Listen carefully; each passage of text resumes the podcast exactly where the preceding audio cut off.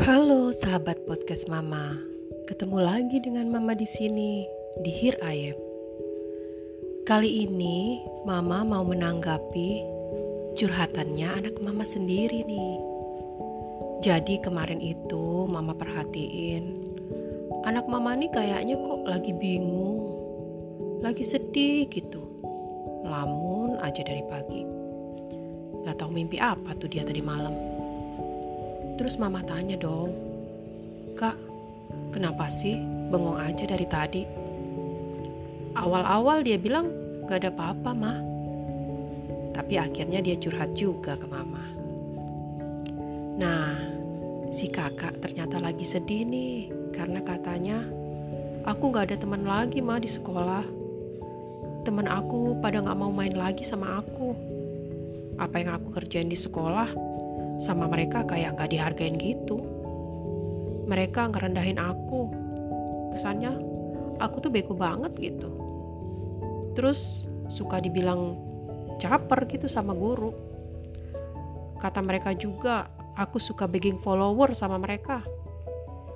Aku jadi males mah. Mau bikin konten-konten lagi. Mau bikin-bikin video cover lagu lagi. Ntar kalau aku bilang ke teman-teman kalau aku bikin video YouTube, pasti mereka terus langsung kayak seuzon gitu. Seuzon tuh dipikirnya aku minta like sama subscribe dari mereka. Ntar aja mah kalau udah kuliah baru aku bikin video lagi. Sekolah di sini tuh nggak enak mah. Orangnya aneh-aneh, apa-apa diseuzonin bantu guru bawa buku-buku aja dibilang cari muka. Negor guru yang lewat depan kita pas kita lagi duduk nih, dibilang gak sopan mah. Karena aku gak pakai acara berdiri gitu pas negor guru. Aneh kan mah? Padahal gurunya sendiri biasa aja tuh. Jawab tuh sapaan aku. Nah, setelah ngedengerin ngedumelnya si kakak yang panjang lebar, dari yang berapi-api nih sampai terus jadi mewek. Akhirnya mama baru deh ngomong. Gini ya kak, mama ngerti banget tuh perasaan kakak yang merasa gak dihargain gitu. Dianggap bego lah, gak sopan lah, cari muka lah. Tapi kakak mesti ingat, kakak kan di sini ini masih anak baru. Baru pindah pas udah kelas 3 SMA lagi. Mana sekarang belajarnya online kan? Kalau pas masuk tatap muka aja cuma 50%. Jadi udah pastilah teman-teman kamu gak kenal siapa kamu, gak kenal sifat kamu, kebiasaan kamu, cara bercanda kamu, gak tahu seberapa pinter kamu. Kamu juga gak tahu banyak kan tentang mereka. Terus mungkin ya budaya daerah sini beda dengan budaya daerah tempat tinggal kita dulu. Di tempat yang dulu, mungkin siswa-siswanya biasa tuh bercanda sama guru-guru. Guru udah serasa kayak temen. Kalau di sini mungkin budayanya beda. Kalau orang yang lebih tua, apalagi guru, itu nggak sopan tuh kalau diajak bercanda. Apalagi dijadiin serasa temen diajak ngobrol-ngobrol gitu kayak temen jadi mungkin mereka ngerasa aneh waktu kamu negor guru bantuin bawa, guru bawa buku ya karena mereka jelas nggak pernah kayak gitu tapi mama rasa sejauh gurunya sendiri nggak masalah dan fine-fine aja ya kamu nggak perlu khawatir kalau gurunya juga akan berpikir kalau kamu anak yang nggak sopan Menurut mama, cari muka ke guru itu juga penting kok kak. Biar guru-guru kenal siapa kamu. Kan anak baru. Jangan peduliin deh kata teman-teman kamu yang nyudutin kamu. Anggap aja angin lalu. Kamu jangan mau dipenjara dengan kata-kata orang lain, sehingga langkah kamu terhenti karena perkataan mereka. Kreativitas kamu juga jadi mandek tuh karena mereka Ibaratnya ini kak ya, kamu tuh ngebiarin orang lain memenjarakan kamu. Jadi kayak nggak bisa ngapa-ngapain gitu, hanya karena kamu sibuk tuh mikirin kata-kata mereka. Pakai tuh kata pepatah, anjing menggonggong, kafilah berlalu. Ibaratnya nih kayak arak-arakan pengantin, gak akan berhenti atau malah putar balik kan? Kalau hanya gara-gara ada sekawanan anjing yang jenggongin mereka di pinggir jalan, mereka pasti berusaha tuh ngusir anjing itu. Hus, hus, hus, sana, sana, sana. Atau diemin aja, lewat aja terus. Ntar juga anjingnya berhenti sendiri. Atau suara jenggongan anjingnya bakal gak kedengeran lagi tuh. Kalau rombongannya udah jauh jalan ke depan.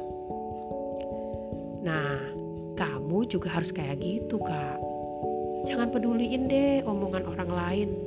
Mau ngomong apa tentang kamu, sepanjang yang kamu lakukan itu nggak merugikan orang lain loh ya.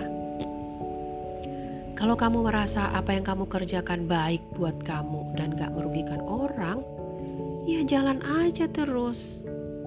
Apalagi soal bikin video dan cover lagu di YouTube. Itu kan hal yang positif buat kamu. Jangan berhenti dong hanya karena teman-teman kamu gak mau like dan subscribe video kamu. Yang nonton YouTube itu kan bukan cuma teman-teman kamu doang. Ada jutaan, bahkan miliaran orang di dunia ini yang nonton YouTube. Kalau kamu pikir ntar aja ah pas kuliah mungkin teman-temannya lebih baik, keadaannya lebih baik. Kamu salah kak Mama bilangin ya, belum tentu teman-teman kuliah kamu nggak kayak teman-teman SMA kamu di sini. Siapa tahu bahkan lebih parah siriknya dari sama kamu. Terus kalau udah kayak gitu, apa kamu juga mau berhenti mengurung niat kamu, ngumpet, jadi orang yang penyendiri? Jangan ya kak, jangan mau. Sekali lagi, jangan mau dipenjara sama kata-kata orang. Kamu itu manusia bebas yang bisa berkreasi sesuka hatimu. Di mana pun kamu hidup, kamu harus bisa menyesuaikan diri.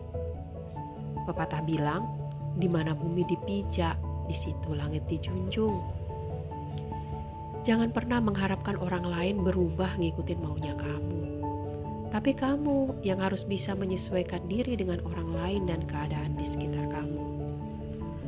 Karena ya, kamu gak bisa merubah orang lain. Tapi satu yang pasti yang bisa kamu rubah, yaitu diri kamu sendiri. Justru kamu harus bisa tuh jadi influencer buat orang lain. Jadi orang yang bisa membawa pembaruan yang positif kepada orang lain, bisa jadi contoh buat orang lain. Di dunia ini pasti ada dua kubu dan pendapat untuk semua permasalahan untuk semua orang. Tinggal kamu yang harus bisa memilih mana pendapat yang mesti kamu ikutin, mana yang mesti kamu buang dan singkirkan. Oke kak, kamu harus tegar ya menghadapi persoalan. Selalu lihat persoalan itu dari segi positifnya. Kalau dari masalah kamu ini, positifnya di mana? Positifnya, kamu jadi tahu nih beragam sifat dan kepribadian orang. Kamu jadi bisa belajar menghadapi orang-orang, baik itu yang pro ataupun yang kontra sama kamu. Tuhan lagi ngajarin kamu, mulai dari lingkungan yang kecil dulu, dari lingkungan kelas dan sekolah kamu. Ntar kan kamu harus menghadapi beragam orang di lingkungan yang lebih besar lagi, di kampus atau di asrama tempat kamu tinggal. Di situ, kamu akan belajar banyak tentang sifat-sifat manusia, tentang karakter orang. Itu harus kamu pelajari supaya kamu bisa menghadapi orang-orang di sekitar kamu dengan baik. Kamu akan menjadi lebih bijak menghadapi orang lain kalau kamu mengetahui karakter mereka dengan baik. Kalau kamu bisa melewati masalah yang kecil, kamu juga pasti bisa melewati masalah yang besar nantinya. Udah ya kak, jangan cemberut lagi, jangan bermuram lagi, jangan mengurung diri. Ayo berkreativitas lagi, jadi anak yang ceria seperti dulu. Kamu kan anaknya ceria, oke? Okay? Nah, pendengar podcast mama, siapa tahu nih ada permasalahan kalian yang mirip-mirip nih dengan permasalahan anak mama. Mama ingetin ya, jangan melihat permasalahan itu serasa kita itu satu-satunya orang yang paling berat gitu masalahnya. Jadi orang yang paling sengsara, paling disingkirkan, paling merana deh. Terus kita jadi murung, menutup diri, melamun, bengong, ujung-ujungnya malah jadi depresi itu satu hal yang gak penting buat dipikirin. Kalau cuma mikirin kata-kata orang yang gak suka sama kita mah, aduh gak banget deh. Menurut mama ya, gak penting. Untuk menjadi lebih baik, pasti ada orang yang gak suka dengan kita. Jadi kita harus tetap fokus ya sama tujuan kita. Dan ingat bahwa Tuhan membiarkan masalah itu ada karena Tuhan tahu kita akan sanggup menghadapinya. Semua permasalahan itu pasti ada solusinya, pasti ada jalan keluarnya. Oke? Sekian dulu ya podcast Mama kali ini. Kalau ada yang mau curhat, boleh nih Mama dengan senang hati menanggapinya. Bye bye.